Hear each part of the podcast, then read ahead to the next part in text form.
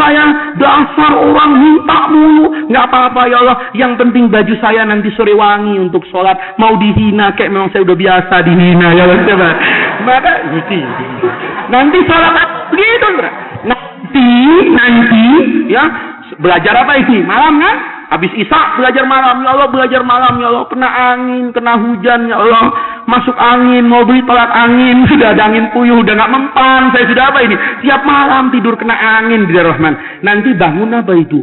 Sebelum subuh jam 4 bangun, ya kan?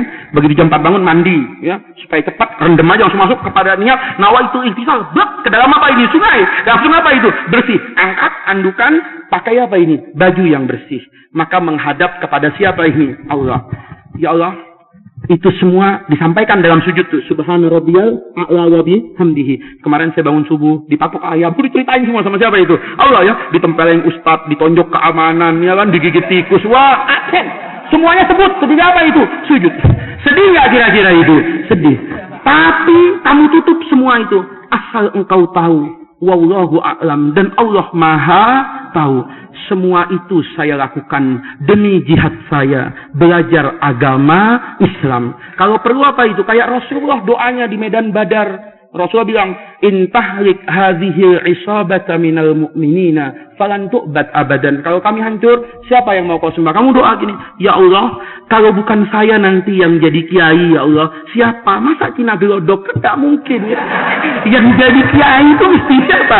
Saya. Maka di situ dorongannya kuat nggak? Kuat. Kamu habis itu doa lagi. Kan doanya masih apa ini? Banyak. Ya Allah, saya punya hasanat. Alhamdulillah hari ini. Sholat beres apa zikir beres, belajar beres, sabar, udah siap ya Allah. Maka mudah-mudahan ya Allah, kalau yang saya kerjakan dari kemarin jam 4 subuh sampai jam 4 subuh ini merupakan kebaikan fi mizani hasanati ya Allah. Tolong mudahkan rezeki orang tua saya. Itu doa kamu yang dorong siapa itu? Malaikat Kata malaikat, ya Allah, dengarkan doa ini. Kenapa? Yang dorong amal soleh. Kalau di pondok kerjanya bengong. Habis bengong, nyolong. Iya kan? Iya kan? Kira-kira begitu doa, ya Allah. Kata malaikat, nggak ada yang mau dorong. Doanya berpegangan itu. Tak gunung Semeru, kena gunung Salak terus. Masuk ke dalam apa ini? Subuh nggak didorong. Kenapa? Nggak ada yang mau dorong. Maka kamu di sini harus tanamkan Gusti Allah iku ora sari. Jadi mulai sekarang tidak ada di pondok yang tidak apa itu, tidak semangat, belajarnya semangat. Biarpun makannya tempe, tapi otaknya harus apa itu? Cerdas. Ya nggak ada itu pengaruh antara tempe dengan kecerdasan otak tuh nggak ada ya kan? Banyak orang yang makannya lebih sengsara dari kita, tapi bisa menjadi apa ini orang. Nah ini yang ingin saya sampaikan. Tugas kamu sekarang berbuat, bekerja, berikhtiar, beribadah dan berdoa. Setelah itu serahkan kepada Allah. Jadi jangan orang tuh main tawakal. Ini saya kasih tahu terakhir lah ada hadis. Dua ada sahabat. Sahabat ini getol banget ngaji sama siapa ini? Rasulullah. Jadi kalau ngaji itu maunya di soft di depan. Satu ketiga dia ketinggalan. Petangnya. Maka begitu naik kuda, kudanya dilepas. Dia naik kuda, langsung kudanya ditaruh di depan, dia lari ke depan siapa ini? Rasulullah. Rasulullah tegur, eh